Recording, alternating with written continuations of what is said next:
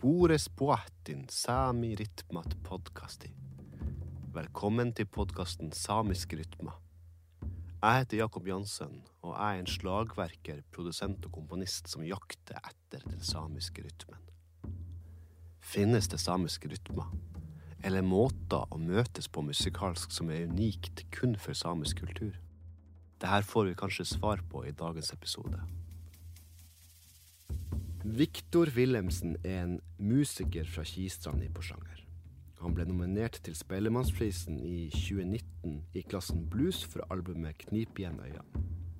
Han har bachelor- og mastergrad innen utøvende jazz fra Musikkonservatoriet i Trondheim, og jobber med musikk som spenner mellom blues, jazz, rock, nordsamisk joik og afrikansk gitarmusikk. Han er ansatt som universitetslektor i musikk ved NTNU, og er invitert hit for å prate om sin prosess med å inkorporere joik i sitt musikalske virke. Kan man utvikle den samiske musikken basert på de premissene man finner i den nordsamiske joiken? Dette spørsmålet forsøker Viktor Wilhelmsen å finne svar på gjennom å oversette tradisjonelle joiker til gitar. Dette prosjektet er ifølge han selv også et forsøk på å ta til seg en samisk identitet som ble borte i mange sjøsamiske områder etter fornorskninga. Velkommen, Viktor. Takk, takk. Kan ikke du fortelle oss litt om din vei fra Kistrand i Porsanger til artist og musiker i Trondheim? Ja. Um, først, eh, ja, tusen, tusen takk for å komme bli med på denne podkasten, da. Takk sjøl. Uh, kunne jabbe litt om uh, musikk og alt det der. Uh, ja, jeg er fra Kistrand i Porsanger. Um, der bodde jeg frem til uh, egentlig, Jeg bodde i Finnmark da frem til jeg var ferdig med videregående. da. Kistrand frem til jeg var ja, 15 ca. Der uh, Kistrand er en plass hvor det bor ca. Ja, vet ikke, 15-20 fastboende nå. Det var kanskje, kanskje det dobbelte der jeg bodde der. Så musikkmiljøet var jo så, ikke så veldig stort, da. Men jeg kommer fra en veldig musikalsk familie, der pappa spiller gitar og synger, og det gjør mamma òg. Søstera mi synger og spiller litt piano og sånt. Så vi var heldige sånn sett, da. Så jeg vokste opp med musikk som var liksom rock og blues og visesang fra 60-70-tallet og den typen, da. Så um, gitar liksom det er instrumentet mitt veldig tidlig. Uh, og egentlig havna jeg fort på musikklinja i Alta. Og um, fikk veldig Fikk tips av dem som jobba som landsdelsmusikere, da, eller i Link, da, om å søke meg til Sund på jazzlinja der og sånn. Jeg visste ingenting om det, men jeg søkte nå og kom inn der. Og ble jo da eksponert for verden. Når man vokste opp i Finnmark, så er man jo en boble. Liksom Hvis man har litt talent og sånn, og, og øver litt og sånn, så så kan man fort liksom få et bilde av liksom uh, uh, At man ja, er bedre enn man tror. ikke for ja, det er litt flåsatt sagt, da, men, men da jeg begynte på Sund, så, så, var det jo mange andre der som hadde liksom holdt på med musikk på et helt annet nivå enn jeg ganske lenge. Iallfall jazz, da. Og den type mer sånn kompleks musikk, da. Så jeg fikk meg en liten knekk der, men eh, masse inspirasjon til å øve. og ble veldig hekta på det med å spille improvisert musikk og jazzmusikk og sånt, så ja. Sette man som mål å skulle komme inn på jazzlinja i Trondheim, da, så etter noen år, da, så noen runder, så kom man inn der. Og studerte jazz med, i Trondheim i tre år. Og har egentlig bodd i Trondheim, da, eller Trøndelag, etter, siden da, siden 2004. Jobba som musiker hovedsakelig, men også som musikk- gitarlærer, og de siste årene som uh, gitarlærer på NTNU. Så det er liksom grove trekk, da. Interessant. Hvor kom ønsket ditt om å gå dypere inn i samisk musikk og kultur? Det kom ganske seint i livet. Sånn Jeg Kan jo si litt om bakgrunnen? At jeg At jeg Vi ble tidlig fortalt at vi var av sjøsamisk avstamning. så du skjønner hva, skjønner hva, hva det liksom Ja. sier. Mm. Det er liksom ikke vi er sjøsamisk, men sjøsamisk avstamning. Og det så ligger liksom restene av fornorskninga, Mm. den her distanseringa man gjør til sin egen historie, da. Mm. Så den her, det ønsket liksom å, om å gå dypere inn i den samiske musikken, og hovedsakelig da musikken, da, det, det kom jo selvfølgelig etter en, på bakgrunn av det, da, en sånn søken etter liksom å knytte seg til en samisk identitet som man vet har vært der. Så, så, men samtidig også en ganske sånn faglig ønske om å, om å forstå mer av den musikken som er, er så lokal for min oppvekst. Som jeg på en måte har oversett så store deler av livet. Når du sier lokal for din oppvekst Altså du lokal, altså Jeg har jobba med musikk fra resten av verden hele livet. Amerikansk musikk, britisk, afrikansk musikk, ikke sant. Og så er det en enorm rik tradisjon fra mitt hjemfylke, ikke sant. Mm. Som, som etter hvert som jeg har blitt eldre liksom, og blitt mer interessert i musikk som er altså, tradisjonsmusikk fra resten av verden, og så plutselig skjønner oi, I nabolaget så er det her, her, det er jo her det skjer. Ikke sant? Så, og, og, så det her Og det kunne jeg sikkert fått uten å liksom vært vokst opp i Finnmark òg. Men siden jeg har vokst opp med det og i, i Porsanger og etter hvert klart å anerkjenne meg sjøl som samisk, så var det også noe med det at OK, men her, her kan jeg liksom ha både den her faglige brillene på og den her personlige søken. Så du vil si at det var en, både en kulturell og en musikalsk oppvåkning? Ja, altså Jeg vet ikke om jeg brukte ordet oppvåkning, men det er jo en um, mer en aksept, kanskje. Ja. Sånn, det er jo et valg man tar. Jeg kunne jo valgt å bare tenke at nei, jeg er ikke noe mer samisk enn alle andre. Men, Du kunne jo også valgt å, å kun være interessert i musikken også, på en måte. ja, men, men samtidig så så var det litt greit det å ha at det gikk litt hånd i hånd, da, for da har man både på min egen del også litt mer sånn Nesten litt rett. Du vet, det er ikke, man føler kanskje først at hvem som kan hvem som helst kan ikke begynne å jobbe med joik. Men det var litt sånn OK, jeg har det kulturelle alibiet i hvert fall sånn på plass. Føltes mer riktig, på en måte. ja, og så, så det Ja. Og så føles det mer, mer litt dypere da når man kan ha en sånn personlig tilknytning til det. Mm. Hvorfor tror du det kom senere i livet? Hvorfor tror du at det ikke skjedde tidligere? Har du noen tanker rundt Nei, det? vi, altså, vi ble jo ikke eksponert for det i oppveksten. Vi, det var ingen det, altså, det samiske språket har vært borte helt siden Jeg vil tro noen av mine besteforeldre, bestemora mi på morssida, hun snakka samisk, men lærte det aldri vekk. Eh, Bestefaren min på farssida, han kunne nok en god del, men sa aldri noe om det. Ikke sant? Så det har vært borte lenge. Så det var, det var perifert. Det var noe de andre holdt på med. Ikke sant? Joik det tilhørte jo på en måte indre, dem fra indre Finnmark. Det var, det var ikke en virkelighet som jeg så meg sjøl i. Så mm, Så jeg tror det måtte liksom Måtte helt frem til liksom, ja, opp i 30-årene før jeg fikk det her behovet for liksom å Å mm, knytte meg til det. Nå skal jeg stille deg et uh, spørsmål som du egentlig har skrevet deg sjøl, som du kan både fortelle litt om det spørsmålet, og bakgrunnen for det spørsmålet, men også litt uh, Kanskje gi oss et svar også. Mm. Mm. Kan man utvikle den samiske musikken basert på de premisser man finner i den nordsamiske joiken? Og hva er de musikalske premissene? Ja, altså det her spørsmålet er en problemstilling som jeg lagde meg uh, da jeg begynte på masterutdanning på NTNU på jazzlinja i 2019. Um, så det var egentlig problemstillinga for hele prosjektet, og det, det prosjektet pågår jo enda. det det, Det er et ambisiøst prosjekt, altså. ja, så, Mm. og det er jo for at en sånn type problemstilling skal kunne liksom ha mye potensial i seg, så man kan svare på det spørsmålet på mange måter.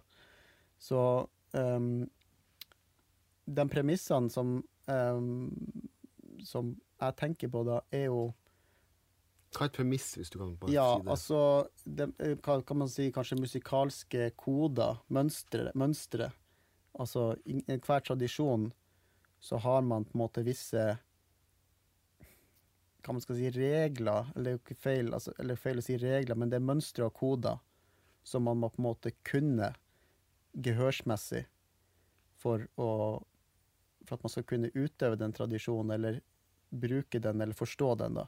På samme måte som et, språk. Så er det liksom det visse måter man bygger opp setninger på i det området, i det andre området så gjør man det sånn, og, ikke sant, du skjønner. Så det er det, de premissene som jeg, som jeg med, snakker om der. Og eh, Men eh, det er klart, det er premisser Kulturelle funksjoner òg, da. Man kan også snakke om, da, som er spesielt for joiken, da, kanskje i forhold til andre musikkformer, da. Men eh, jeg har vært spesielt opptatt av kanskje mer musikkfaglige, da, eller her musikkforskninga i, i det. Og liksom definere noen sånne eh, musikalske koder i den nords nordsamiske joiken, da.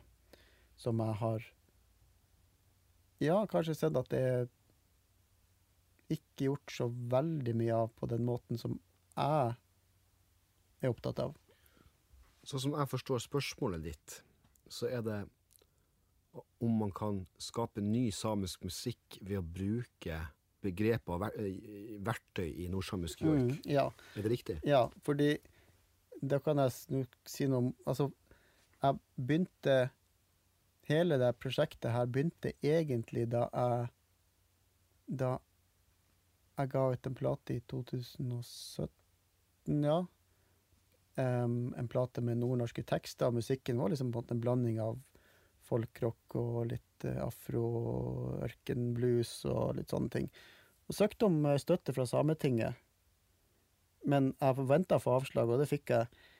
Eh, Og søkte flere ganger til andre prosjekter, men jeg fikk veldig klart svar om at det var ingen samiske markører i musikken min. Fikk jeg liksom svar hvorfor jeg ikke fikk støtte. Og da ble jeg veldig opptatt av ok, hva er det her for noe?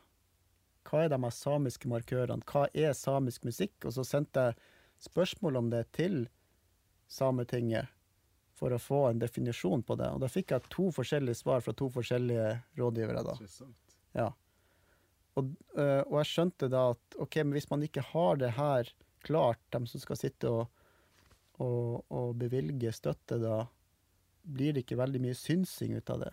Altså Det var spørsmål jeg sjøl stilte meg. Det er ikke sikkert at det er sånn, og jeg skal liksom ikke rette en pekefinger, eller noe sånt, men, men jeg begynte liksom å se på hvem er det som får støtte, og hva er det for noe, hva er det her? Og det ble tydelig for meg at, at ja, klart hvis det er tydelig altså tradisjonell joik, selvfølgelig, hvis det er samisk språk, hvis det er noe som litt sånn innslag av joik, eller noe sånt, så, så, så defineres det som samisk musikk, da. Men hvis du på en måte sier at ja, jeg er sjø, norskspråklig sjøsame, jeg skriver tekster med bakgrunn av referansegrunnlaget mitt er min oppvekst i en sjøsamisk kultur, men det er på norsk, så er ikke det grunnlag nok for å få støtte. Var det ikke da? Det kan hende, da, ting endrer seg jo. Men det var liksom grunn, starten på det her, liksom, på hva er hva er det her samiske? Og um, og så blir jeg litt opptatt av å prøve å følge litt med på ut, samisk musikk som gis ut, og hva Hvordan Hva er det her? Og jeg skjønte jo altså Joik, tradisjonell joik, det kan man på en måte si idiomatisk for samisk kultur. Det er noe som er helt unikt. Men så har du alt det her moderne musikken som har kommet liksom fra 60-, 70-tallet og utover, hvor det er veldig mange element som ikke er idiomatisk for den samiske kulturen, men som selvfølgelig har kommet veldig mye bra musikk som er med andre elementer som er samisk. Men, men jeg ble liksom litt opptatt av det her Joik har på en måte utvikla seg for seg sjøl. Ikke sant? På egne premisser innenfor en egen kultur. Og så skal man kom kombinere det her med musikkformer fra andre deler av verden.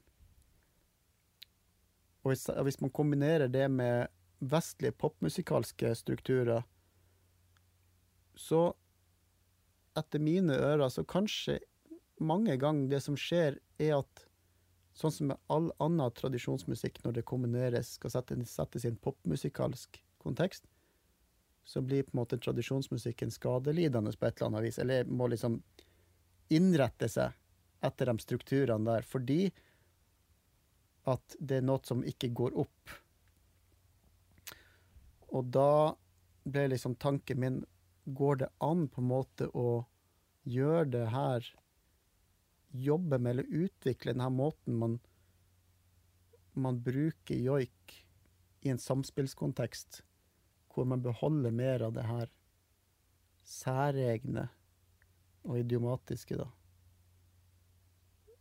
Hvor liksom Og da ble tanken min sånn at OK, hvis du spiller hvis du joik, du har dette tonale som er Intensiteten øker med at du Pitchen øker. Ikke sant? Det er jo velkjent at det ofte skjer. Det går jo ikke an. Det må man legge fra seg skal du spille med, med baskinstrument og sånn. De kan ikke gjøre det. Så det, det er det første. Okay? Det må man akseptere. Mange sånne ting som man må liksom akseptere at man ikke kanskje kan ha med i en samspillskontekst med moderne instrument. Men hva kan man beholde som er unikt? Og det er kanskje det rytmiske. Og det er ofte det når man hører liksom tradisjonssøk i en samspillskontekst, så Det mest komplekse av de rytmiske greiene forsvinner ofte, eller man velger å ikke bruke det, eller man ja, man har ingen standardisert måte å gjøre det på. Man tolker litt der og da, kanskje, eller man Ja. Så det har liksom vært litt av En stor del av prosjektet mitt er å prøve å knekke noen sånne rytmiske koder. Prøve å lage en sånn for lage en forståelsesramme, en måte å, å, å lage samspillstrukturer på, eller å spille det her på. Ja. Kan du fortelle litt om hvis du har funnet noen verktøy du bruker i den nordsamiske joiken som utgangspunkt i, for å utvikle din, din spilling og, og, musikk for øvrig? Ja, eh, jeg kan først si at eh, det jeg først ganske tidlig oppdaga, var Altså, jeg har jobba i mange år med eh, musikk fra Mali, Vest-Afrika. Gitarmusikk spesielt etter eh, Ali Farka Touré, som er en veldig stor afrikansk gitarist som har vært Eh, en av Afrikas største musikkeksporter. Uh, så det jobba jeg med i mange år før jeg begynte med jobb med joik. Og ble veldig opptatt av med, med rytmikk og groove, og, og liksom prøve å definere ting og hva, hvordan øve på det gehørsmessige, forstå det, få det inn i kroppen og sånne ting. da. Og det her konseptet med altså polymetrikk er jo den gjennomgående. Alle musikere vet jo det om afrikansk musikk. Tre over to og fire over tre og alle de her tingene her som er internalisert i musikere som kan spille sånn, da. Hvis vi, hvis vi bare sier det veldig enkelt for de som ikke forstår de her eh, fagterminologien. Ja. Tre over to og Hvordan vil du forklare det? Ja, det vil jeg, altså man, hvis man tenker man har en puls, da. Ofte kan man tenke man har en puls som én, to, én og to eh, musikk som vi jobber med i vestlige former, tenker man ofte bare én puls. Men i mye altså, afrikansk musikk og musikk fra mange plasser i verden, så kan det være flere lag av puls. Man kan ha én primærpuls, men man kan man ha én, altså, to, um, to, én, to og tre, én, to og tre, én, to og tre, én, to, én, to, én, to og tre, én, to og tre. Der på en måte kan man tenke at det er en primærpuls, og så er det en annen puls som ligger over der eller under, alt ettersom. Så innenfor tida det går to slag, så kan man også ha tre slag. Ja. Så det kan man gjøre både med tre og fire og fem og fire og fem og Ja. Det er på en måte det polymetriske aspektet ved det. Så det her hadde jeg jobba med ganske lenge. Og, og hadde, hadde fått øynene opp for en, en, eh, en perkusjonist som heter Efrain Toro, som hadde snakka om sånne her ting. Skrevet veldig mye om det. Og, og så begynte jeg liksom å høre på joik igjen, da. Jeg har gjort det av, av og på, men aldri liksom skjønt så mye av det rytmiske, for det er det jeg ofte henger meg på. ofte. Jeg må forstå det rytmiske for å kunne liksom kjenne det. Og plutselig så hørte jeg liksom eh, Jeg tror det var Anders Bongo eller noe sånt jeg hørte på, noe joika, som var, hvor jeg hørte veldig tydelig at her er det både tre og to. Fraserer i tre, og så fraserer man i to samtidig. Og det er liksom um, Og når jeg hørte det, så var det akkurat som at jeg, bare, jeg fikk sånn hekt. Ikke sant? Hekt, hva mener du med Altså hekt. At det øret mitt Altså at man bare sånn Å ja. Og da var jeg liksom fanga. Men For jeg hørte at det er der òg, Ja. og så plutselig Og så var det bare sånn eskalerte. Ja, Mm. selvfølgelig er det der òg. ja. Fra å spille afrikansk gitarspill til å høre joik Ja. med samme type ører. Og så hørte jeg at oi, rytmisk så henger det, heng det her kanskje mer sammen enn med liksom uh, Steely Dan, eller med liksom uh, Eller altså liksom Vestlig populærmusikk, på en måte. Ja, ikke sant? Ja. Ehm, og da ble liksom Ah, den her gitarstilen kan jeg jo mye om. Går det an å prøve å spille de joikemelodiene med den teknikken, eller den Bruke det som en slags farkost? Altså den afrikanske Ja. spillestilen. Ja. Ja. som går ut på at man, den stilen der, i hvert fall at man har ofte en puls. Man holder hele tida med tommelen, og så går det liksom melodifigurer over der, som gjerne er polymetrisk, da, eller beveger seg i andre um, pulsfigurer enn man kanskje er vant til fra vestlig popmusikk, da. Plutselig så hørte du de her polyrytmen i joiken, rett og slett. Og, man, og det er litt rart, fordi at det er jo fremført vokalt. Man tenker på det som lineært. Ikke sant? Når jeg sier lineært, så mener jeg liksom at man hører det som en linje av ting som skjer etter hverandre. Mm. I, I kronologisk rekkefølge, Ja. på en måte. Ja. Man tenker liksom eh, Når man tenker liksom eh, t- på tromma, så tenker man ofte at én Kanskje eh, basstromma spiller én ting, og spiller liksom skarptromma en annen ting. Og så det foregår flere ting samtidig. Ja, veldig, Ja, men de er veldig segregert, på en ja, det er veldig tydelig at det Mm. foregår der. Ja. Men så skjønte jeg at ah, men det her foregår jo kanskje også internalisert i dem som kan tradisjonen. Jeg vil ikke tro at noen som kan veldig godt, eller vokste opp med det innenfor tradisjon, tenker på sånn i det hele tatt. Det tror ikke jeg er naturlig, for det her det er en ganske teoretisk tilnærming. Ja, for du ser det med, med briller som er Ja. abstrahert, på en måte. Ja, for å kunne liksom dra ut noe standardiserte Standardisere noe som er unikt for joiken, da. Ja. Og så er det jo sånn at eh, det er jo kanskje en helt annen type prat, men du snakker om at man ser joiken lineært. Det er jo og sikkert også en god del som kanskje hører eller ser joiken sirkulært. Eh, Ja, jo, um, men ja, ja jeg skjønner hva du mener. Um, men likevel lineært i en sirkel. De mener at det, at, det, ja, at det er sirkulært, men det er fortsatt en melodi. ja. Det er en melodi, men den på en måte kanskje biter seg sjøl bare i halen. Mm. Mm. Den, den, den, den går hele runden, og så begynner den på nytt igjen. Men hvor den begynner, og hva som, er, hvor, hva som er starten og hva som er slutten, er det mange som mener at ja, det kan begynne, det er ikke noe start eller slutt. Og så er det enkelte som Ola Graff som mener at jo, men det, det er faktisk en fast start og en fast slutt.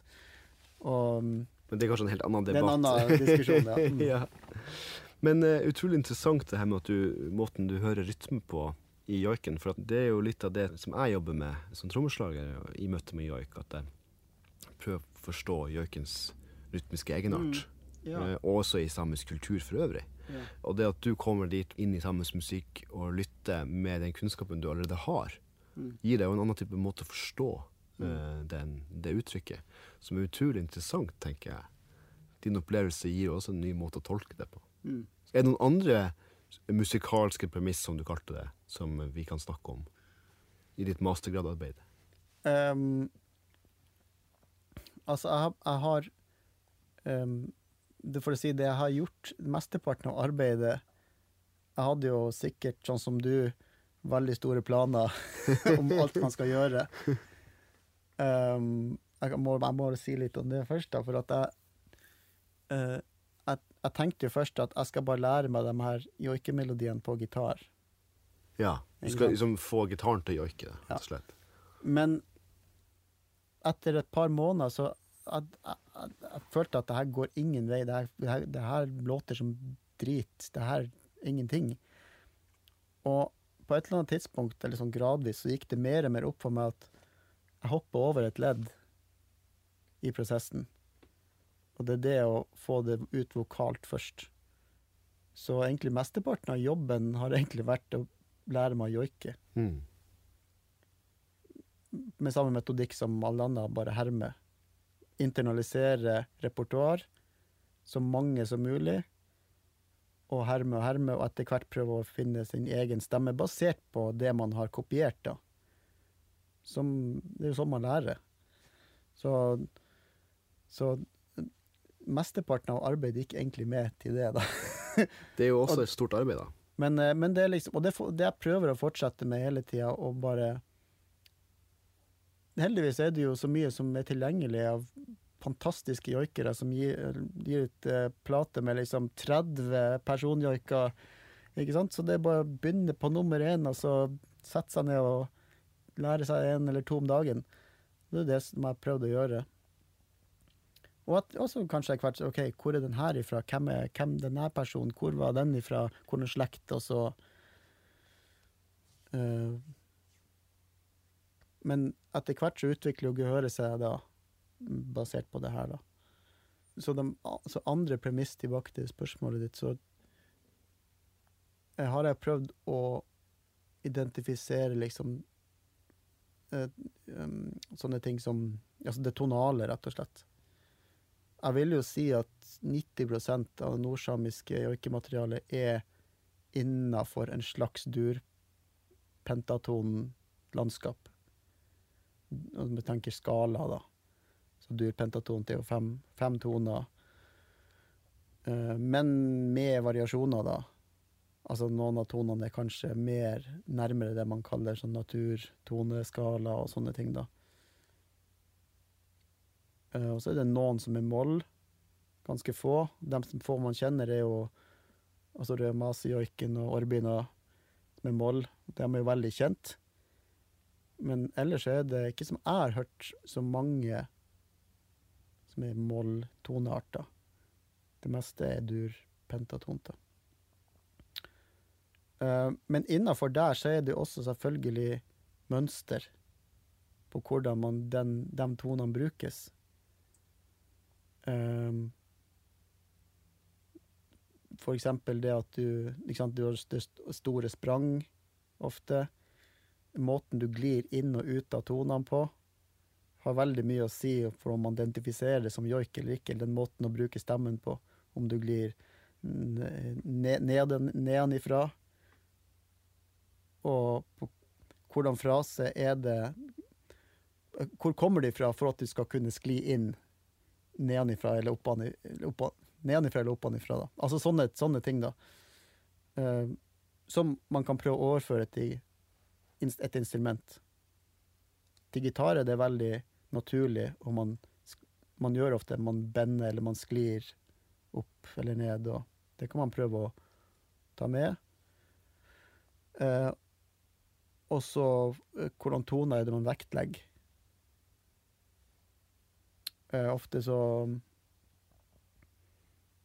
eh, Veldig mange eh, tradjoiker har jo det elementet at du man vektlegger kvinten. At man liksom lander hele tida på kvinten eh, istedenfor grunntonen, da. Den dype kvinten, da. Det kan man eh, bruke som et element, som er en slags markør, da. Men for min del så er det hovedsakelig helt klart det største elementet rytmisk. Det som er Altså det er det grunnleggende, det er fundamentet. Og det mener jeg er fundamentet i all musikk som vi, i hvert fall jeg forholder meg til, er det rytmiske. Hvis ikke det er på plass, så funker ikke det andre heller, etter min mening. Og det er jo sånn If you ain't got that swing, it don't mean a thing. Sånn, alle kjenner jo sånn, sånne utsagn, og det, det, er noe med det. Hvis, og det man kaller for når man spiller blues, feel, alt det der, det er rytmikk. Hvordan plasserer du deg i tid? Hvordan kjenner du pulsen? Hvordan Ja. Interessant, eh, Viktor. Fortell mer, hvis du hadde Nei, nei, nei jeg skulle bare tenke om du hadde hva du tenkte tenkt om det. jeg syns det er utrolig masse fint her. Altså, joik er jo så komplekst, og det er veldig, veldig rikt. Og også tradisjonene, skoltesamisk uh, laud, er også litt annerledes, uh, føler jeg, uh, mm. enn liksom joik fra Kautokeino, eller mm. umesamisk, eller arjeplog-samisk, eller sørsamisk, mm. eller lulesamisk.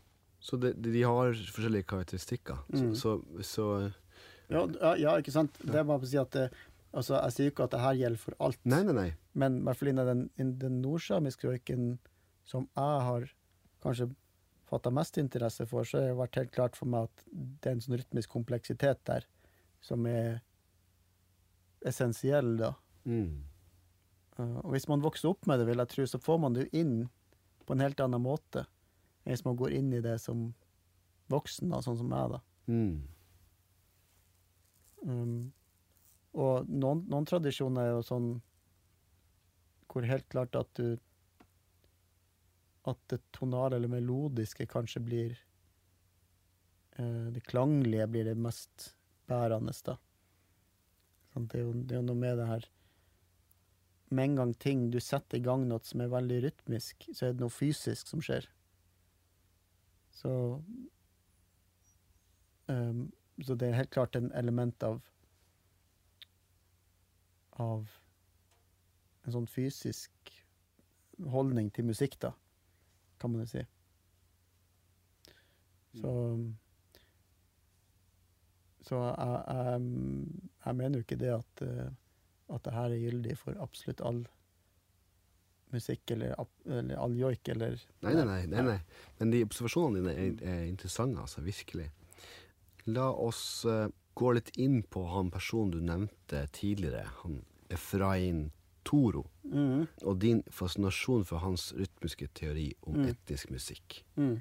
Fortell om Efrain Toro og din fascinasjon for hans rytmiske teori om etnisk musikk. Ja. Um, Jeg um, Rytmikk jeg må, jeg må, si det først, da. det er sånn bestandig jeg må liksom si noe. Ja, ja. At rytmikk for meg har bestandig fascinert meg. Eh, og jeg tror jeg har blitt så opptatt av det fordi at jeg For meg så var det først og fremst en utfordring. For meg var det det er noe jeg aldri tenkte over før jeg innså at oi, Viktor, her er det noen store hold i din musikalske kompetanse, kan man si. Fordi at da jeg begynte på jazzlinja 2007 da hadde jeg egentlig spilt ganske lite jazzmusikk. Spilt mye rock og pop og sånne ting, hvor liksom, det er aldri noe tvil om hvor eneren er. Ikke sant? Hvor, der er det noen basstrommer, og det er cymbaler og sånn. Og så begynner man å spille musikk hvor den er mer følt enn aksentuert, da. Og det for meg ble ofte utfordrende, og jeg skjønte ikke det først, at det var det som var utfordringa mi. Hvorfor fikk jeg ikke ut ideene mine på instrumentet? Hvorfor ble jeg så knytt, sammenknytt? Og, og det var fordi at jeg hadde noen sånne rytmiske ting som jeg ikke forsto, eller gehøret mitt var kanskje ikke utvikla godt nok rytmisk sett til å kunne delta ordentlig. Og det Fra da, som starten av 20-årene og frem til nå, så har det egentlig blitt en veldig stor greie for meg som gitarist å utvikle en slags metodikk, undervisningsmetodikk også, spesielt for gitarister, for å utvikle det fokuset her, og anerkjenne hvor viktig det er. Og det som avgjør om du høres ut som en gitarist, eller musiker generelt, som høres moden og proff ut, og en som ikke er helt der, er hvor bra time og groove har du. Det er det som avgjør det, først og fremst. Og er du trommis og bassist, så ofte har du der fokus mye, mye tidligere. Eller? Ja, jo, ubevisst og bevisst, ja. Ja, men du, du, du, du trommis, og liksom det, det er det som er, vil jeg tro, et stort fokus man begynner å spille. At du liksom, ting skal henge sammen rytmisk. Ja, ja. Mens på gitar så fokuserer man på å spille solo og akkorder og sånne ting. Mm. Og det rytmiske er bare sånn, det får bare bli med på løp, På, på, på, ja, ikke sant? Og det fascinerte meg at jeg var begynt på universitetsutdanning. Jeg var på andre året, tror jeg, i universitetsutdanninga mi. Og enda ikke så hadde jeg blitt eh, Hadde jeg blitt introdusert for noe tydelig pedagogikk for det her. Mm. Men bare liksom akkorder, melodier, omvendinger, transkribere soloer. Veldig mye fokus på det harmoniske og melodiske, nesten bare det. Og det er vel og bra, det, og kjempeviktig. Mens det rytmiske var liksom nesten ikke til stede. Så det ble veldig viktig for meg å finne metoder, øve på det her på å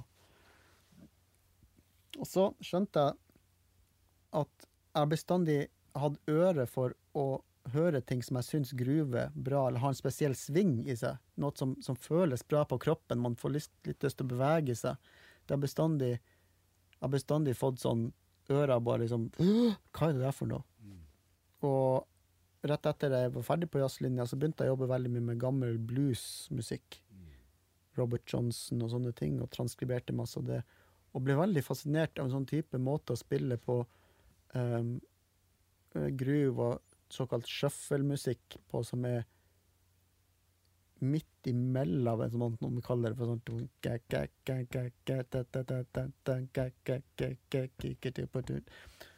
Og så, hva er det her for noe?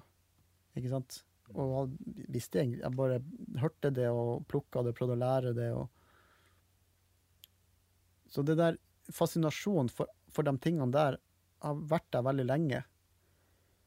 Eh, men i universitetsutdanninga nå og sånn, så er det sånn at fortsatt så henger det veldig igjen det at jazzmusikken kom inn i universitetsutdanningene og adopterte veldig mange av de klassiske måtene å tenke musikk på, undervise på og analysere musikk på. Da selvfølgelig så veldig mye fokus på det harmoniske. Og det rytmiske begynte man kanskje også å analysere på den måten, som i klassisk.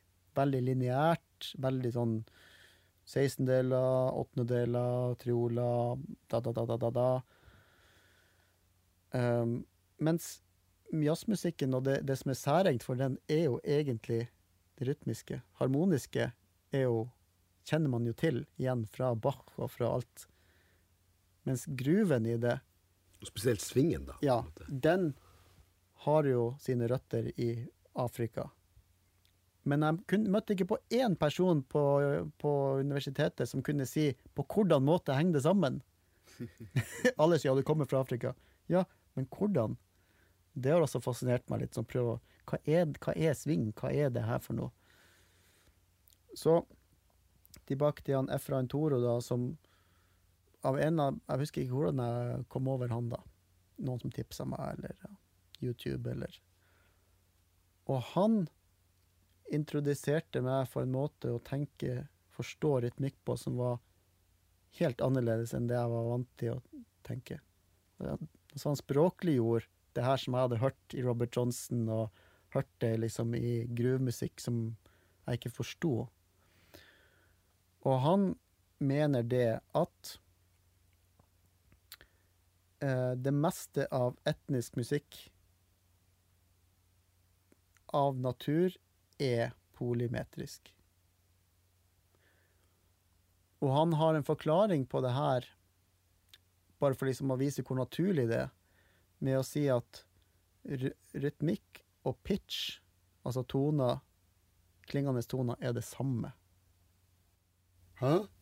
Tenkte jeg. Det er du ikke. Da, da, da, og Det er jo ikke det samme. Men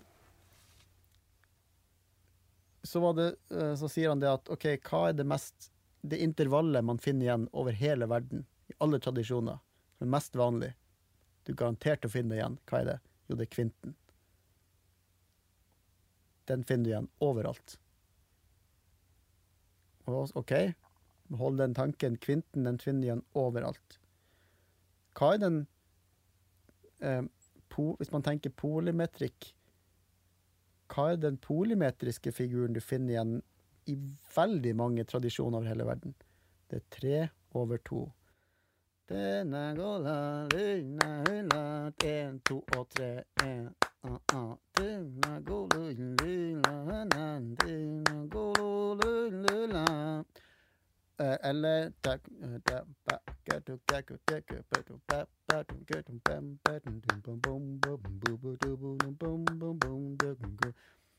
I Vest-Afrika.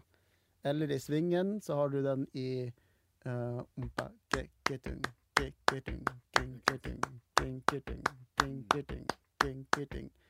Eller i salsamusikken så uh, uh. Det er også tre over to, bare som underdeling.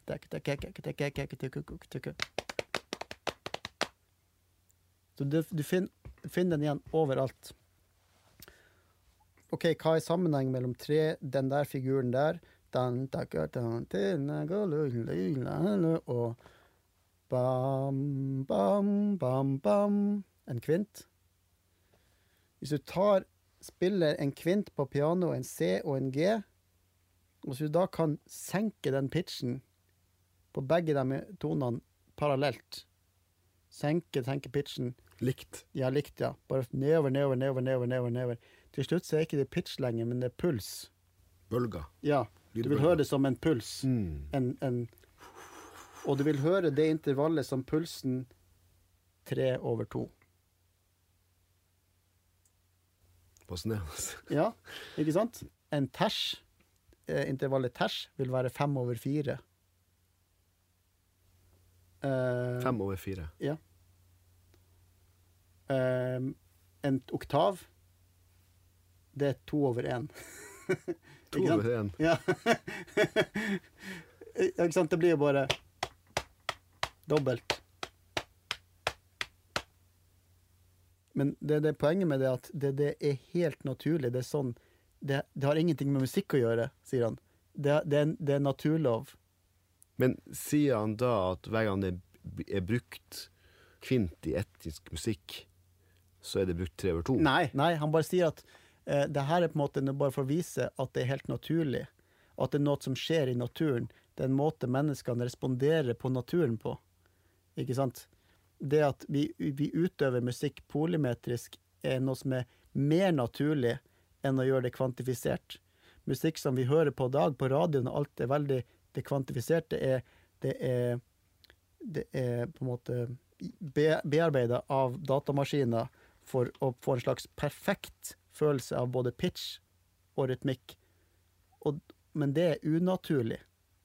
Ikke sant? Den naturlige måten å kjenne ting på er mer eh, her, Når man kjenner, ting kjennes litt skeivt ut, ofte kjennes litt sånn ah, Men så kan det svinge veldig, og det kjennes litt sånn um, Men det er ofte for at det er et polymetrisk element her som er veldig naturlig. Det er sånn naturen er. Så det er bare for å vise Det der er bare hans måte å vise at det her er det er naturlig på den mest uh, hva man skal si, akademiske måten. Ikke sant? Du, du kan vise det ved hjelp av matematikk, av naturlover. Sånn er det. Og, eh, og gjennom å vise, vise at intervallet kvint finner du igjen over hele verden, så er det på en måte kanskje bevis på at det er noe veldig naturlig med det. Ikke sant? På samme måte som at vi mennesker har eh, potensial for å utvikle språk. Det er noe i måten utviklingen har gått på, at vi du, det, det ligger på en måte i latent, kan man si. Det kan litt om akkurat eh, lingvistikk og sånn, men at, det, at du utvikler språk, det gjør du på, uansett hvor folkegruppene har eksistert. da. På samme måte så utvikler man kanskje musikk. Og språk utvikler seg basert på kanskje samme type regler. Stort sett. Altså hvis man ser stort på det. Og det gjør kanskje musikken òg. Så det her er på en måte bare en måte å vise at det er noe veldig naturlig med måten vi mennesker responderer til naturen på. Det å være i verden. Ja. Så på den måten, så det å ha det, eh, det perspektivet på joik, vil, vil jeg kunne si liksom at jeg syns det er en måte å, for meg å prøve å ivareta det som er mest naturtro. Med, med de joikene du bruker? Ja, ikke sant. Jeg, jeg, klart jeg prøver å identifisere det her, men det er også for å kunne liksom beholde det som jeg føler er um, Det mest Altså det som er unikt med det, og naturlig. Som ikke Og så prøve å ha det helt til fokuset på er hvor påvirka er jeg av min bag musikalske bagasje fra før av gehøret mitt er jo påvirka av musikken, popmusikken jeg har vært utsatt for, og alt det der. Men det er en metode for meg for å unngå at det blir for mye synsing. Jeg vil ha et slags sånn, jeg vil ha vanntette skott i det arbeidet mitt, med liksom å kunne ha en slags sånn forskningsmetodikk, da. Mm. Hvis vi skal ta det videre, det her, din eh, nysgjerrighet og, og interesse for han Efrains rytmiske konsept, Mm. er det andre måter du, kunne, du kan dra den forståelsen av rytme på inn i møte med joiken på? Uh, ja, skal vi se. Det han sier, er jo at vi ofte tenker alt som ikke går i fire eller og tre til nøds, har vi veldig fort for å akademisere og gjøre veldig matematisk. Um, men at å, å fem, å kjenne ting som går i fem og sju og alt sånn, er like naturlig. Det er bare at vi ikke er utsatt for det. Og det å kunne kjenne for eksempel En ting å kunne forstå intellektuelt hva tre over to, som vi snakka om i sted, er. Eller fire over tre og Eh, Men det å forstå det fysisk og kjenne det, det er noe annet. Men han, sier, han, han har et sånt system som kalles for harmonisk rytmikk. Og det er det Han skiller mellom lineær rytmikk og harmonisk. Så man kan se på det som at man kan tenke en figur som da da da da da da da da da da da da da da da da Som en lineær hendelse, eller hendelser som skjer i tid rett etter hverandre. Ja, en start og en slutt, på en måte. Ja, De skjer etter hverandre. De har ikke så mye med hverandre å gjøre, men de skjer etter hverandre med en spesiell, med en spesiell frekvens. Da, da, da, da. Og for dem som forstår musikk, så som man tenke kanskje fjerdedel, to åttendedeler, fjerdedel. Ikke sant? Da, da, da, da, da, da, da, da. Og jeg vil si, jeg vil tro at alle som hører det, som har samme uh, oppvekst som meg, med samme musikalske bagasje, hører det her som én, én, to, tre, én, to, tre, én, to, tre, én, to, tre. Efran Toro sier at det er like naturlig å høre som én, altså én, to, tre, én, to, tre, én, to, tre, én, to, tre, én, to, tre, én, to, én, to, én, to, en, to, én, to, én, to, en, to, en, to, én, to. Og at ehm, Jeg bruker å eksemplifisere det her til ungene mine som å tenke det som eh, spise banan, spise banan, eller spise eple, spise eple, spise eple. At det handler bare om perspektiv. Hvor, du, hvor, hvor, hvor ser du det her ifra? Ja, Ser du det fra kjenne det som to, eller ser du det som å kjenne det som tre? ikke sant? Eller som begge deler. Men hvis du ser det som en linje, som ting som skjer etter hverandre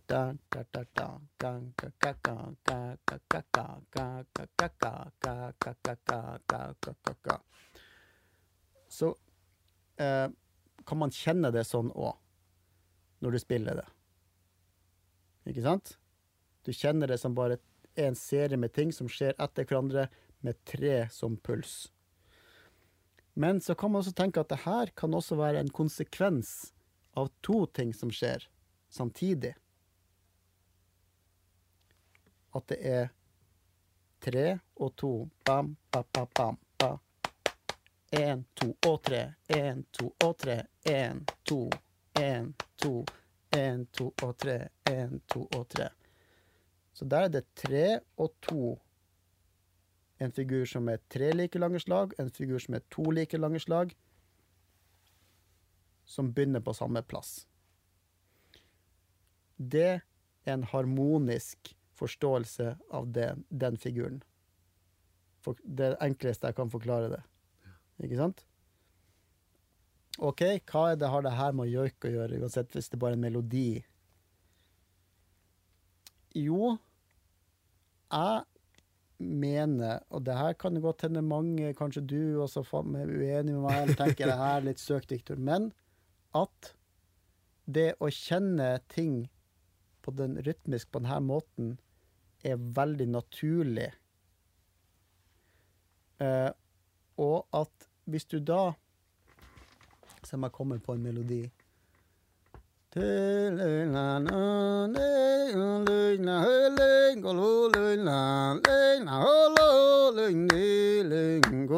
Den melodien der, det er en joik. Hvis du kjenner det jeg, For meg å- kjenne det som både tre og to samtidig blir veldig essensielt for å kunne få rette svungen.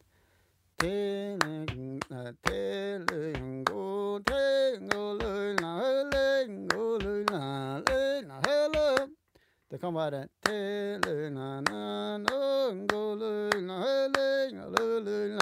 Eller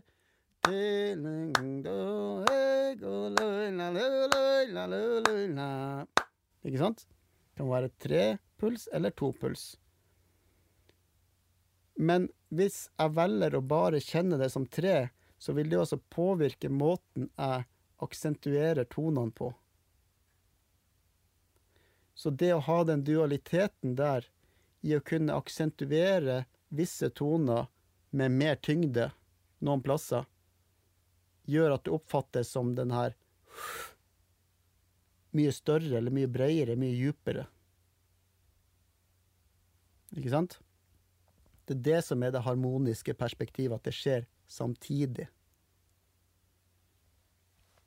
Og det her finner du igjen i, på en måte, i slåttemusikk fra Telemark også, ikke sant? Det fenomenet der. At du hører det som at det går i, i to, men så markerer han visse toner som plutselig at oi, det er litt sånn off, eller det, det får en helt annen svung i seg.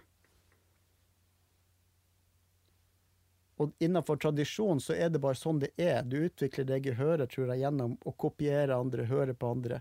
Det bare går, eh, hva man skal si, stille gjennom, gjennom fra spellemann til spellemann. Eller fra joiker til joiker. Gjennom å kopiere og høre det. Men det er noe, det, det er noe musikalsk DNA der, gehørsmessig, som bare du får gjennom å kopiere den som kan det for å få den rette svungen og få den rette følelsen på det. Og det er jo det som er så vakkert med det, syns jeg. Når det foregår på den måten, og du trenger ikke å si en skit om det. At du trenger ikke liksom sitte og jabbe om det sånn som vi gjør. ja. Det er jo veldig abstrakt, egentlig, å, Ja. å prate så mye om det. Men, men hvorfor skal man gjøre det, da? Og det er jo hvis man skal prøve å ta noe ut og bruke det her til å utvikle noe. Mm. på hvis man, ut, med, Gjennom å spille i band, eksempel. Andre måter å lage melodier på. Andre måter å lage konfigurer på, basert på de her rytmiske kodene som man kanskje finner i joiken. Så det er liksom den her Hva man skal si um, Arkeologiske, eller eh, liksom det her Sitte og grave i for å prøve å finne noe der som er man kan internalisere for å lage noe nytt ut av. Som er Man kan si helt klart man har henta derifra, eller Ja. Og ikke bare sånn en sånn Jeg er veldig opptatt av at ting ikke skal være sånn synsete og følete. At man skal bare synse og føle om det. Jo, men det her føles ut som en joik-ting, så derfor gjør jeg det sånn. Jeg er veldig sånn og det syns jeg er veldig fint. Hvordan du legger det? At det syns at det føler at Altså at man ikke har kanskje At man bare Eller autodidakt, eller Nei, altså, nei. ja, altså hvis det, altså autodidakt er jo på en måte Eller at hvis du har lært noe sånn som tradisjonsutøvere kanskje gjør Det, det er ikke det jeg mener. Nei. Men jeg mener liksom at hvis man kommer seint inn i en tradisjon, sånn som jeg, eller utenfra og inn og sånn, og bare liksom skumme toppen, Ja, ja, og bare Å, nå vet jeg liksom hva joik er, nå skal jeg lage litt som ligner litt på en joik. Og det her høres litt joikete ut, ja, eller det er det jeg mener, at sånn synsete og følete om at Ja. Jeg er veldig sånn at hvis jeg skal forstå det, så skal jeg forstå det så godt det er mulig Mm. med de verktøyene og den kompetansen jeg har, Mm. for å kunne dra noe ut og liksom Jeg vil ha mitt på det rene hvis jeg skal liksom si noe om det. Mm. Ikke sant? Det er veldig mye det mest, altså ekstremt mye om joik som jeg ikke kan noe om eller si noe om, eller uh, Men akkurat det her føler jeg at jeg kan si noe om. Uh, for det handler det mye mer om det rent musikalske i det. Som man kan si rett og slett Det her hører jeg, og jeg kan si at det er sånn på bakgrunn av det han her har skrevet og sagt, og hun der har skrevet og sagt det, og med, på bakgrunn av deres eh, publikasjoner og kompetanse, og dem har utgitt og spilt, så kan jeg si noe om det her. Ikke sant? Det er den forskningsmetodikken i det. Mm. At det er ikke jeg som finner på det her. Nei, nei, nei. Men, men jeg henter litt kunnskap derfra, fra den personen og den personen, og sammen så kan jeg ha verktøy for å si noe om det her. Hvis vi går tilbake til mastergraden din, som var som fokuserte på samisk musikk, Mm. og det å på en måte finne musikalske premiss i nordsamisk joik Mm. for å utvikle samisk musikk. Hvordan vil du si at resultatet av ditt arbeid var? det jeg var ute etter, var jo liksom å finne å lage en måte det skulle, Produktet skulle bli en slags en måte å spille, improvisere på, som er liksom hovedsakelig tufta eller på nordsamisk joik. Det var liksom visjonen min, da. Men det jeg innså fort, var jo at mesteparten av tiden gikk jo med å prøve å lære meg tradisjonen, eller forstå den, og, og prøve å skulle joike sjøl. Men igjen så identifiserte jeg veldig mange utfordringer, da til videre arbeid. ikke sant? Som man fort gjør. Ja. Ja. Og, og veldig mange plass hvor mine den teoriene mine om det her har jo utvikla seg. ikke sant? For man møter OK, her, her Ja, men denne uken her, den går jo i Kan man tenke, som 13, da, eller liksom 7 pluss bla, bla, eller Det her går ikke det her opp, jeg må utvide denne teorien. Sånn, man, sånn, sånn, sånn fungerer det jo. Så jeg Det går parallelt. Jeg hadde kanskje tenkt at det skulle skje liksom etter hverandre. Først lærer jeg meg det, og så blir det det, så kan jeg lage det, og sånn. Men det foregår parallelt. Prøver å lage nye ting samtidig som man prøver å lære seg å joike, og man prøver liksom å Men mastergraden din, det var på gitar. Ja. Men det vokale ble på en måte minst like viktig, da. Ja. Så da jeg hadde eksamen Så et halvt år før det, så, så jobba jeg jo med han Ingorante Ailo Gaup. Og ha- for til Kautokeino og hadde litt spilt en del med han. Og så at Planen var jo at han og Mattis Kleppen på bass skulle være med på eksamenskonserten min, da. Eh, Og da hadde jeg vel en ti-tolv joiker fra repertoaret til Ailo som jeg lærte meg, og som jeg skulle liksom finne en måte å spille sammen i denne settinga på. Og da var du gitarist. Da, da skulle jeg være gitarist. Skulle da du da spille joikene Da skulle jeg, pla- planen var først jeg skulle lage en slags Arrangere det her. Beholde joiken. Og det som skulle skje på gitar og på bass, skulle være på joiken sine premisser, Mm. ikke omvendt. Mm. De samspillstrukturene skulle være henta ut fra joiken, ikke fra blues eller jazz eller Selvfølgelig så blir det litt, men mest mulig på joiken sine premisser. Uh, så det ble veldig mye av det arbeidet der, å prøve å finne hvordan kan jeg spille dem her på gitar, Og hvordan, hva, skal bassen gjøre? Ikke sant? Og det var veldig bra, veldig bra det. Jeg hadde masse gode ideer og syntes det var kjempekult. Uh, og seks dager før eksamenskonserten så ringte Ailo meg og sa at ja, Viktor, det er nytt koronautbrudd i Trondheim, jeg har ikke å komme. Og det forsto jeg jo. Men jeg sto da plutselig Hva skal jeg gjøre nå? Seks dager til eksamen og Og da liksom sa Mattis ja, men du får nå gjøre det sjøl, da. Og Nei, det går jo ikke an. Men i det her så var det mange ting. Det var det at for det første hadde jeg jo lært meg de her joikene, så jeg kunne dem på en måte vokalt. Selvfølgelig ikke like godt som sånn som Ailo og sånn som er som proffjoiker, men Men eh, jeg, jeg skjønte jo at jeg må jo bare gjøre det sjøl. Joike det. Joike også sjøl. Så det var på en måte Det var egentlig bra også, for da måtte jeg beheve ut det. Ja. På liksom eksamenskonserter. Det var jo streama. Så det var jo streama for hele verden. Så hvem som helst kunne jo sitte og se på der. Wow. Modig, altså. Imponerende. Men da vet jeg jo folk som er hjemme i Kistrand som delte det her, og da var liksom angsten for at å, hva vil av alle de her som virkelig kan å joike si, for det var, det var jo folk som vet som kunne det, som satt og så på det. Og men, eh, men ja, jeg har sett på det ettertid og klart Jeg er veldig stolt av, av det jeg fikk til, og har fått veldig mye gode tilbakemeldinger på det også. Og i forhold til, den, til de seks dagene som jeg hadde liksom på å omstille meg og, og virkelig okay, gå fra liksom sånn skapjoike til liksom å skulle gjøre det sjøl, så syns jeg jeg var veldig stolt av at jeg Mest av alt av at jeg gjennomførte det. Uh, og så gitaren ble på en måte Det ble mer et helhetlig prosjekt, sånn sett. Det ble liksom ikke lenger bare gitar. Det ble mer mus musikalsk prosjekt, da. Ja, så gitaren og stemmen ble litt mer vevd sammen, kanskje? Ja, og det å liksom spille det sammen. Ja, for da, da spilte du Jeg vet ikke, Nå må du bare stoppe meg her, men var det sånn at du, du hadde partier der du både spilte joiken med stemmen og gitaren samtidig? Ja, det gjør jeg hele tida. Det gjør du hele tida. Det er ofte den, den stilen etter Ali Farka Touré, den afrikanske gitaristen jeg snakker om, er der du spiller melodien som du synger. Så da jobber du med å frasere det likt, da. Mot Ja. det, sånn, Ja. Mm. og få det til å liksom være Og mest av alt rytmisk, da, for at det der har jo folk prøvd på i 100 år, å få gitaren til å høres ut som en stemme. Mm. Og det Du kommer et ganske langt, men det stopper på et visst nivå, da. Så det ble mer sånn at å spille melodien mest, mest av alt rytmisk rett, Mm. og så kanskje improvisere på en måte som er mer henger sammen med den, den, det språket enn blues eller ja.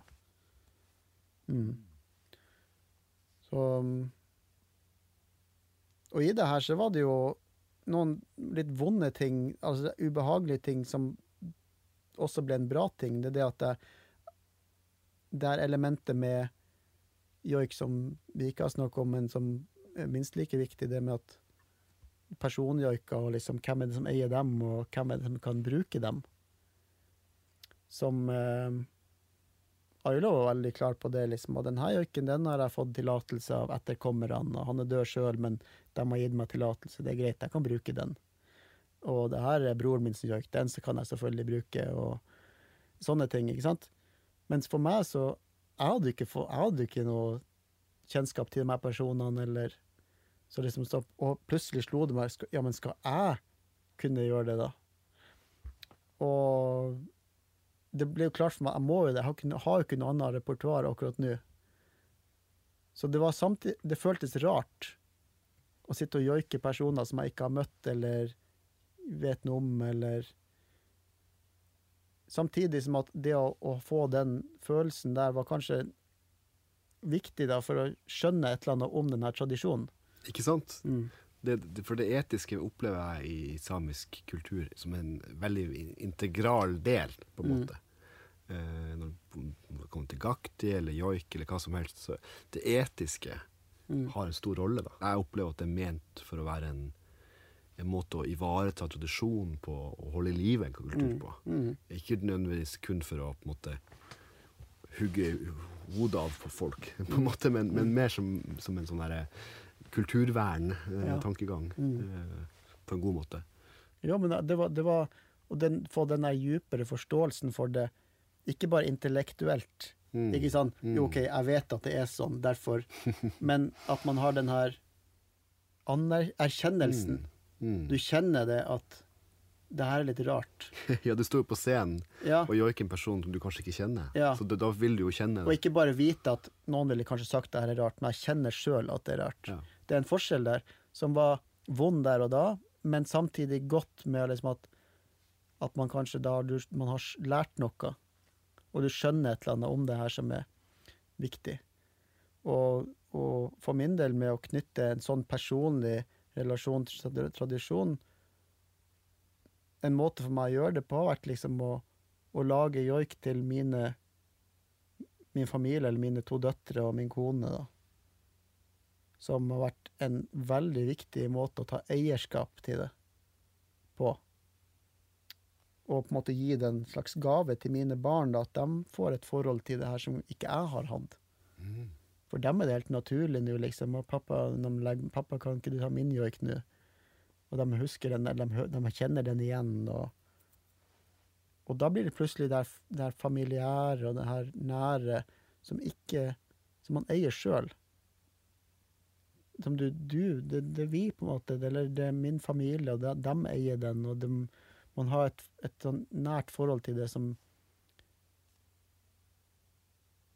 Som blir noe annet enn nødvendigvis det som vi har prata om tidligere nå.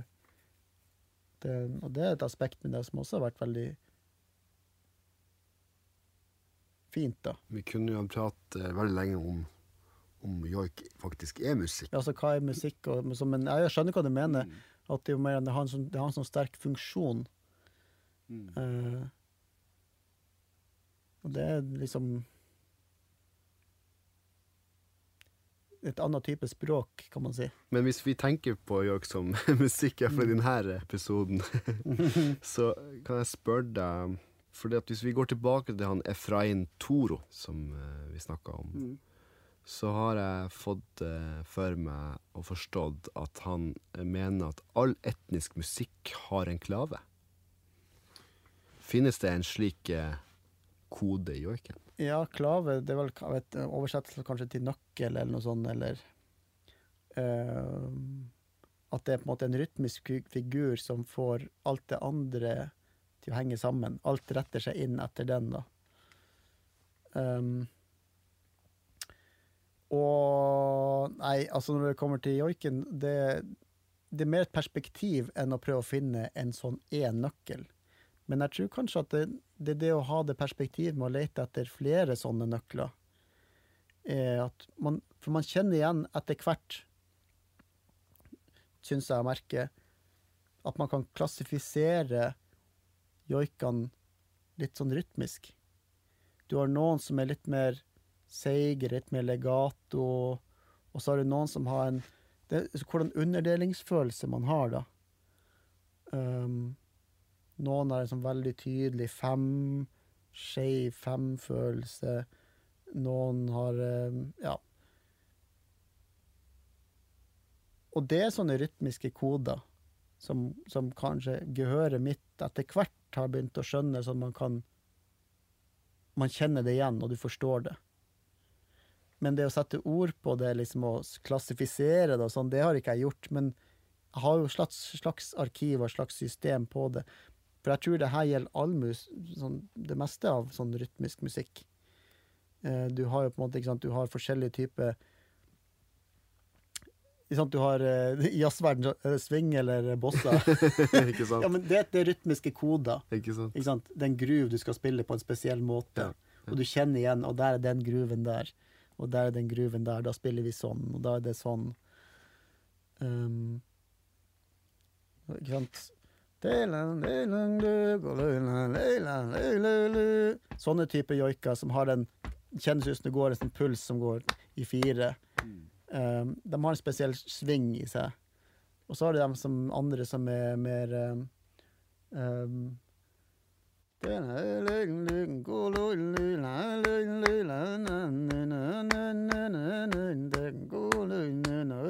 Fem blir det vel, kanskje. Ja.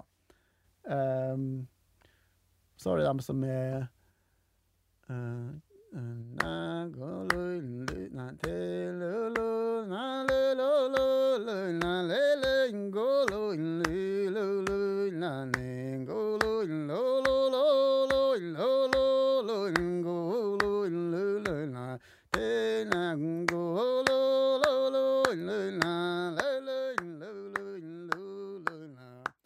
vi snakka om i sted, det er kanskje mer sånn tre over to-feeling på.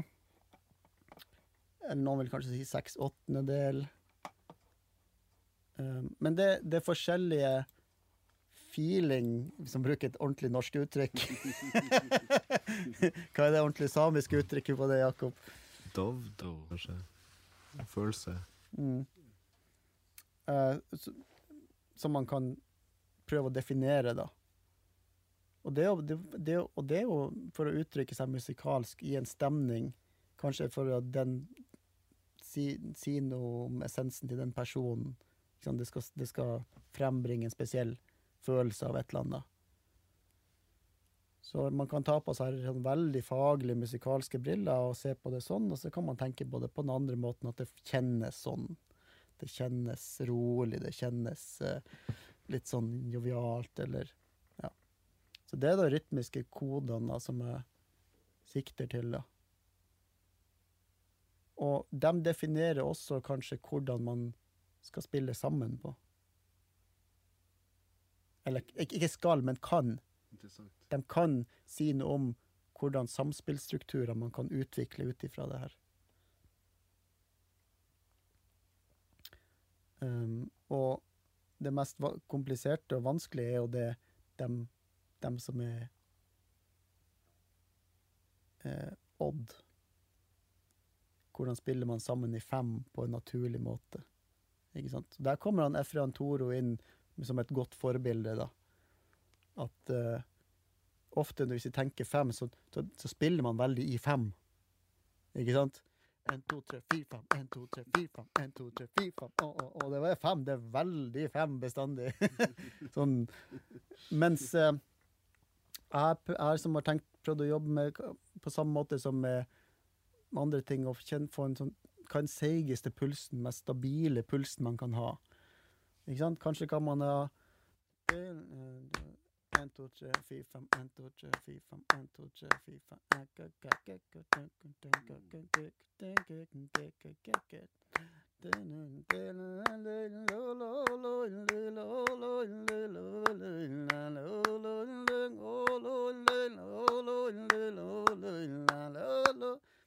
det er jo fem over to, da. Men kanskje kan man ha en sånn type puls. Så sånn sitter jeg og jobber, da, liksom å prøve å tenke samspill som stabilitet, ro, um, og samtidig som at det ikke skal kjennes konstruert, da. Og hele tida knytta opp mot det her kildematerialet som jeg kanskje prøver å jobbe med som er i joiken.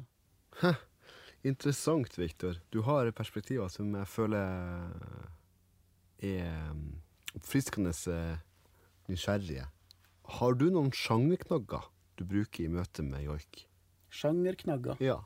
Hva du mener Da mener jeg Du snakka noe om eh, eh, Du hadde fått avslag på en søknad til Sametinget ja. om, om eh, samisk musikk. Ja. Har du noen, no, eh, noen tanker nå om, om, joik som sjanger?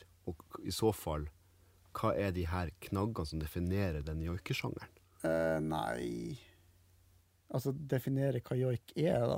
Er ja, altså for eksempel at blues har sine parametere, rock'n'roll ja, sånn, har sånne Ja, nei jeg, Nei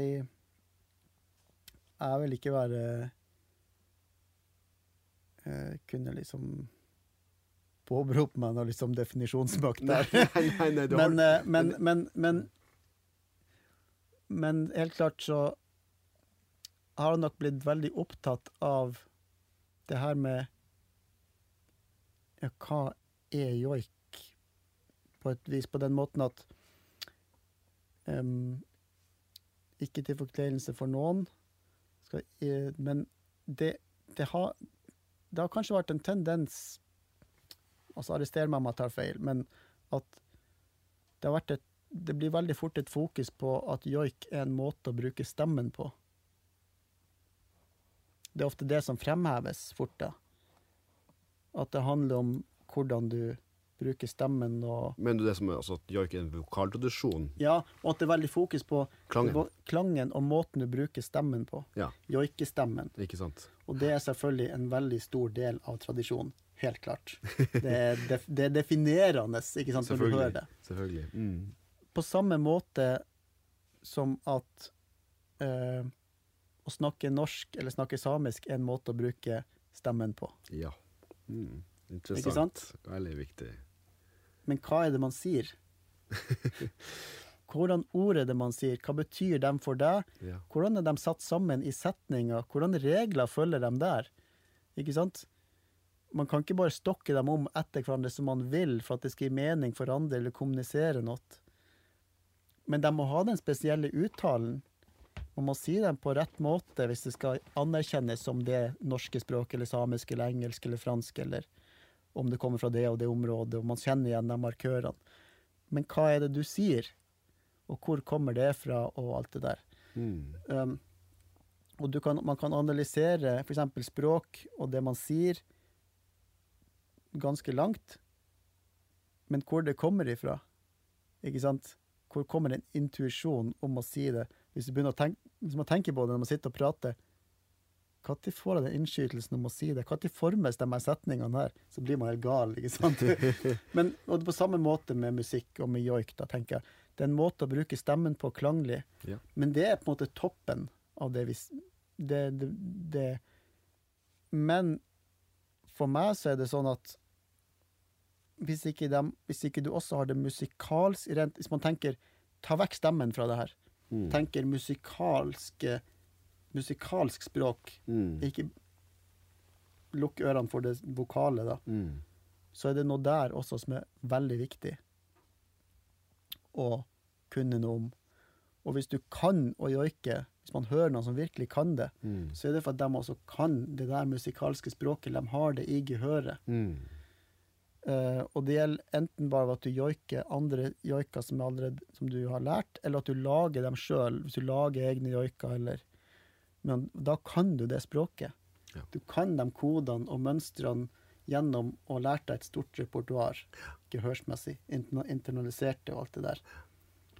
Så Så jeg liksom Å definere joik blir minst like viktig å definere det. Mm. Ikke sant? Men det å definere det vokaltekniske for oss er veldig enkelt, for vi har språk for det, og vi har Alle kan si noe om det på et vis. Ja, du bruker langt bak der, og det er liksom sånn og sånn, og det er du dem og dem lydene og Men det å si noe om det idiomatiske for joik, eller det musikalske språket For det, det er så mye mer komplekst, for det handler om en samisk virkelighet. Det handler Ja. om en kontekst. En rytme, for meg, er en lydlig bevegelse.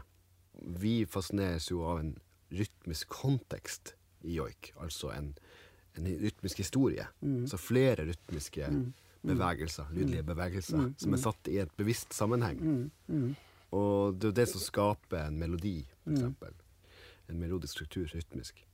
Det er ikke nødvendigvis at man må høre det som en rytme, nødvendigvis, men den gir jo en rytmisk funksjon. Og uten det så blir det bare mange lange toner, uten Ja. noe mål og mening. mm, Og den rytmikken har jo en ganske tydelig identitet. mm. Samisk identitet. Ja. Og det gjør det jo så utrolig spennende for oss som begge to er, er liksom fascinert av rytme som idé og konsept. og hvordan det kjennes på kroppen, og hvordan det føles i, i, i kroppen. At den rytmikken har en sånn sterk selvstendighet. Ja, den står for seg sjøl, og det er noe veldig Det er noe unikt med det. Ikke sant? Uh, og, men samtidig som det har slektskap med veldig mange andre tradisjoner. Men igjen, den har sin egen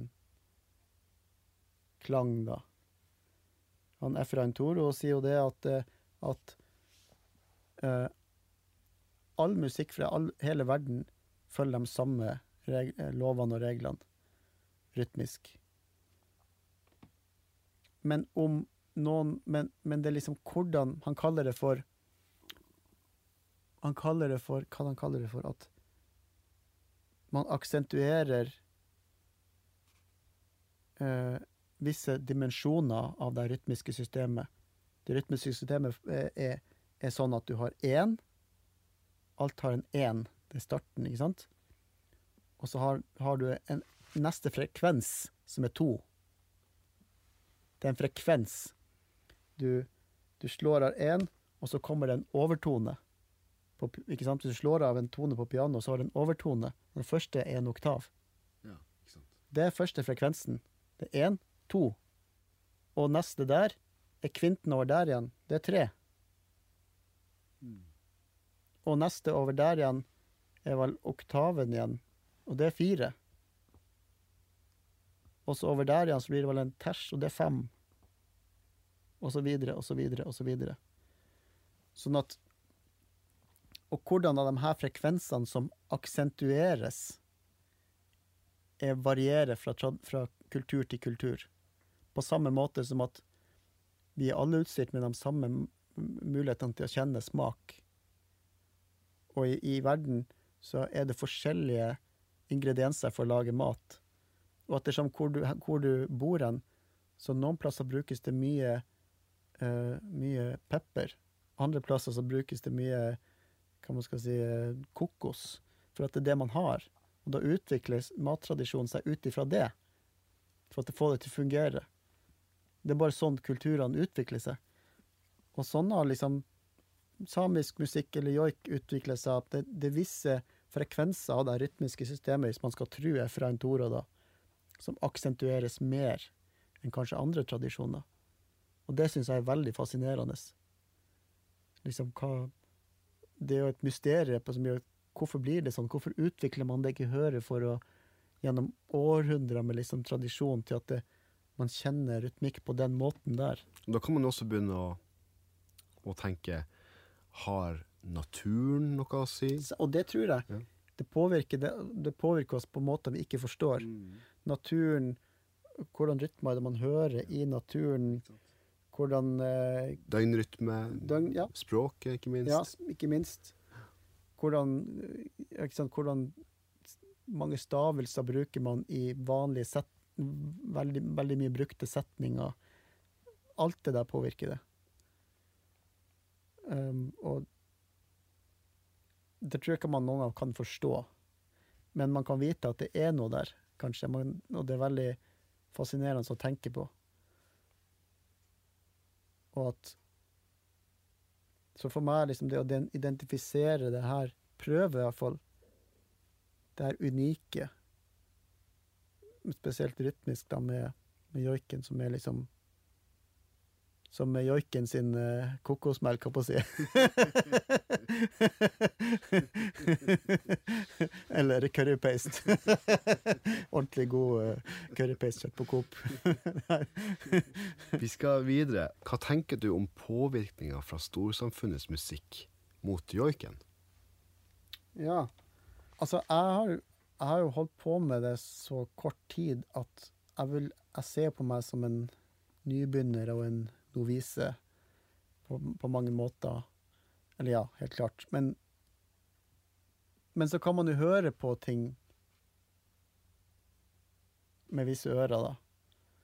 Um, og prate med folk som har peiling. Um, Ola Graff han sier jo helt klart, mener jo det at at man kan se en tendens til det her med pitch-idealisering, for eksempel. Med at du liksom Ting er mye mer temperert nå, i forhold til hvordan det, hvordan det kanskje var for 200 år siden, 100 år siden. Um,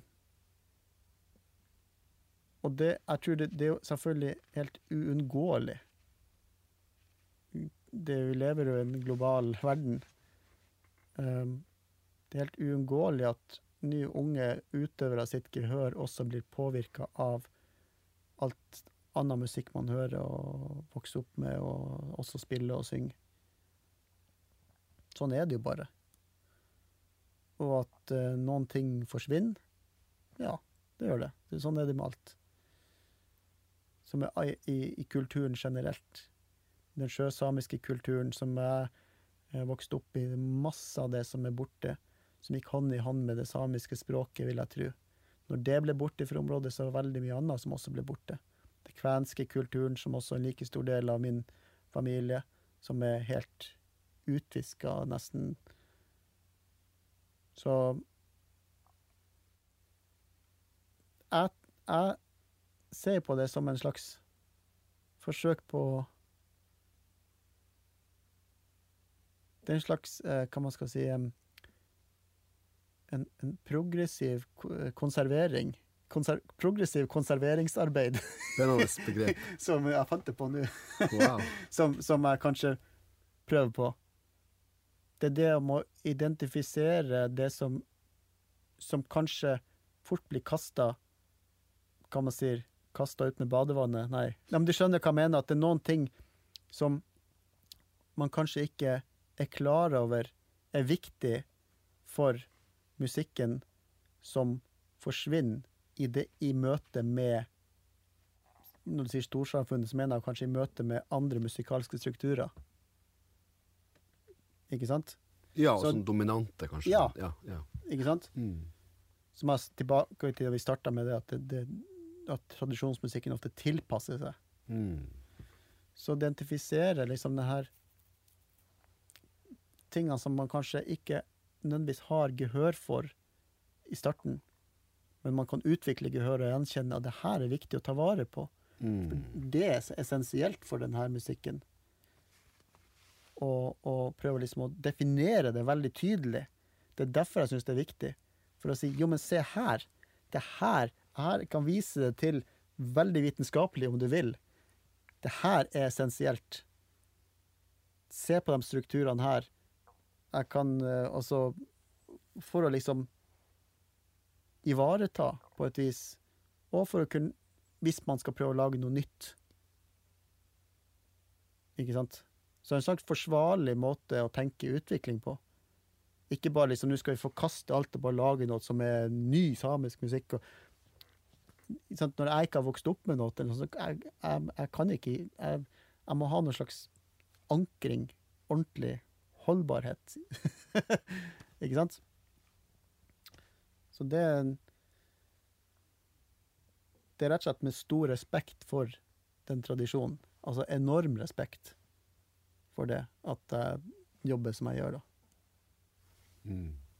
Hva tenker du om populærmusikkens rytmikk kontra joikens? Eh, populærmusikken er ofte Eller populærmusikken er, sånn som vi definerer eller sånn som vi tenker nå, den er endimensjonal rytmisk.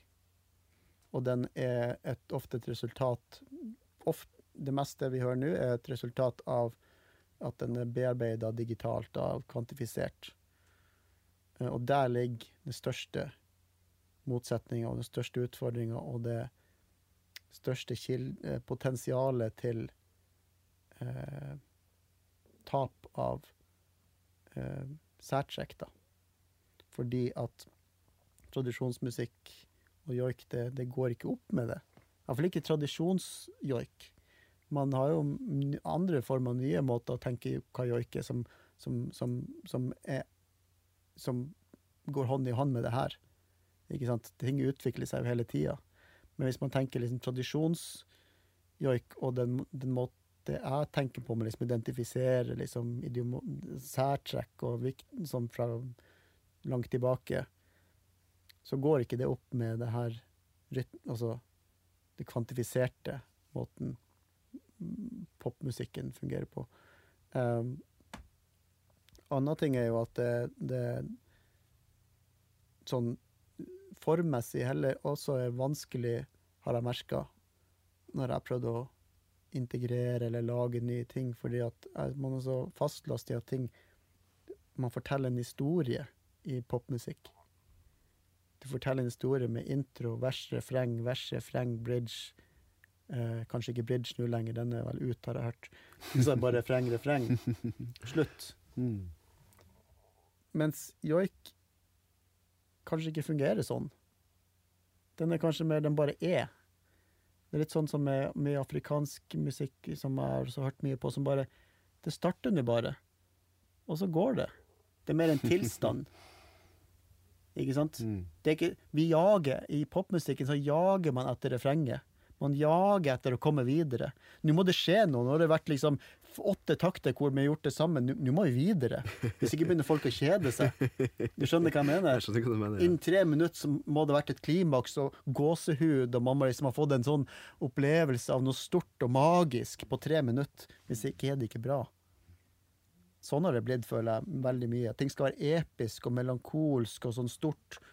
Og, eh, og joiken, den kan fort ta på seg en sånn Det kan fort bli veldig stort og episk og magisk, og mye av det funker veldig bra. Det, det, det, det er noe med det der som, som også appellerer veldig til meg også.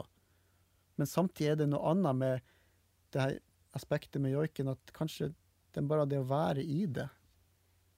Det bare er der. Du trenger ikke å, å få de store høydene, eller det er mer en tilstand. Men da går det ikke opp med popmusikken sine premisser. Da blir det aldri spilt på radio, eller det blir ikke Så Så det er også på en måte Man kan tenke stort på det som rytmisk, det også. Over, altså det her med å forholde seg til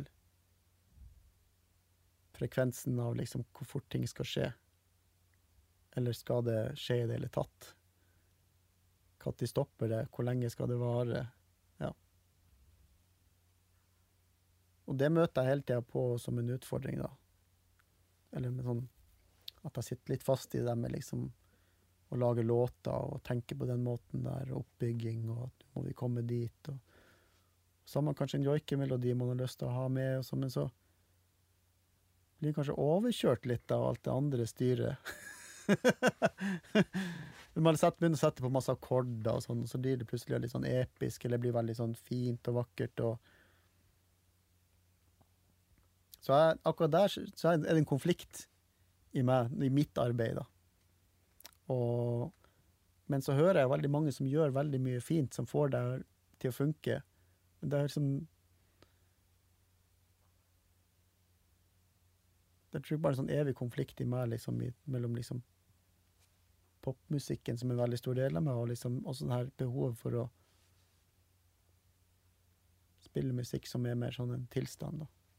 Jeg vet ikke om det var Nå prata meg langt vekk, men eh, Jeg syns ikke du prata deg vekk. Jeg det var veldig interessant å høre på. Altså, for at uh, det er et spørsmål som min ikke har Eller håpet mitt er at jeg har forskjellige typer svar. Da. mm, Når du gir en sånn slags sånn filosofisk betraktning av spørsmålet, så liker jeg veldig godt eh, å høre på hvordan du opplever det. mm, Tusen takk for at du tok deg tida til å dele dine tanker og ditt arbeid. Eh, utrolig interessant og givende, spesielt for meg med rytmefokus, da. Takk skal du ha.